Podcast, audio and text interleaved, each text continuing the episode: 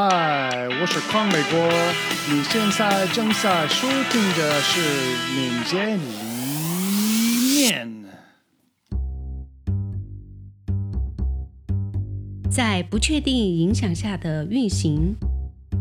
上一集，Kodak 试图阻止 Vanilla Pop 尝试 TDD，现在让我们看看这是如何影响香草流行体验 TDD 的能力。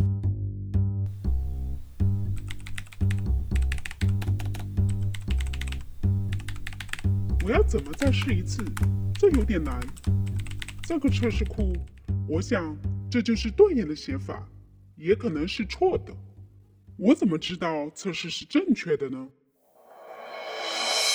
首先，这个测试倒退太多太多了。好的，现在就写产品代码。哈，我花了那么多时间写一个测试，我真的很想花一天的时间来编写产品代码。但这不是 TDD 对吧？但什么是 TDD？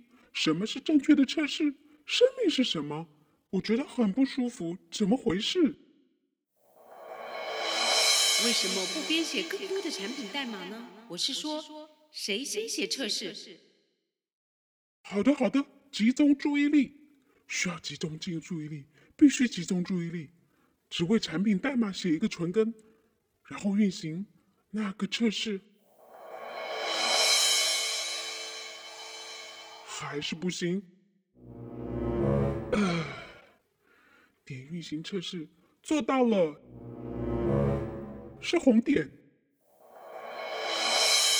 真的？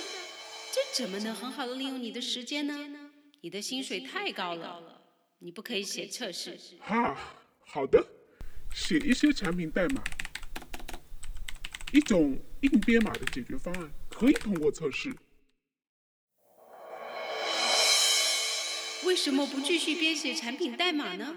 你不需要再做一次测试，你知道它会过去的。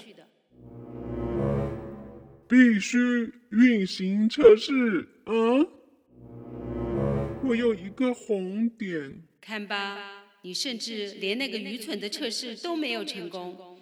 你真的得放弃这种疯狂的想法。等一下，我把考试和错误的课程联系起来了。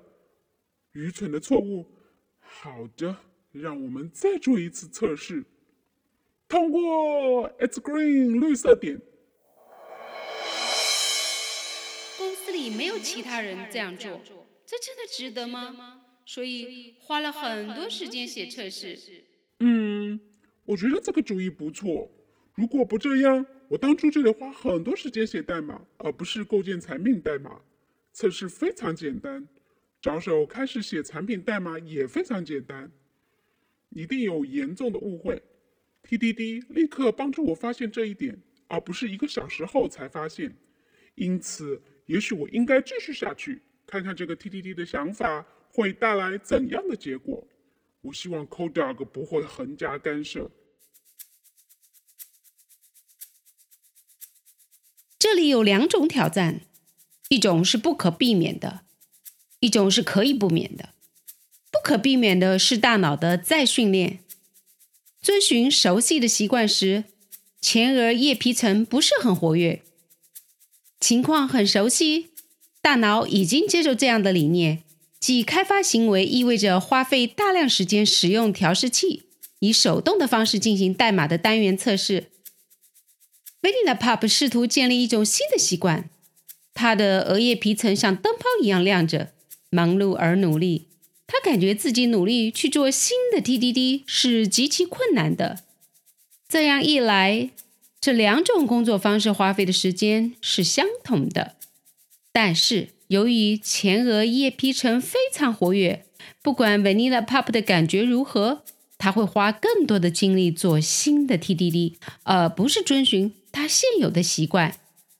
因此，阻止自己写产品代码。这本身就需要一定的意志力。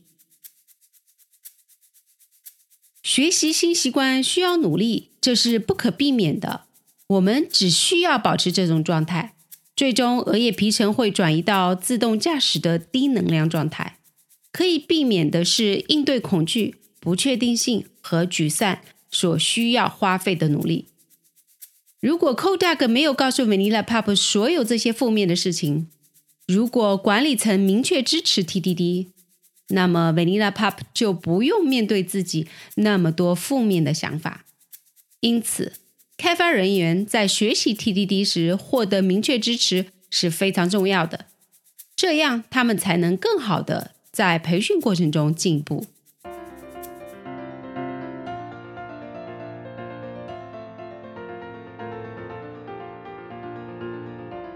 下一集，我们听一下架构师来讲 TDD。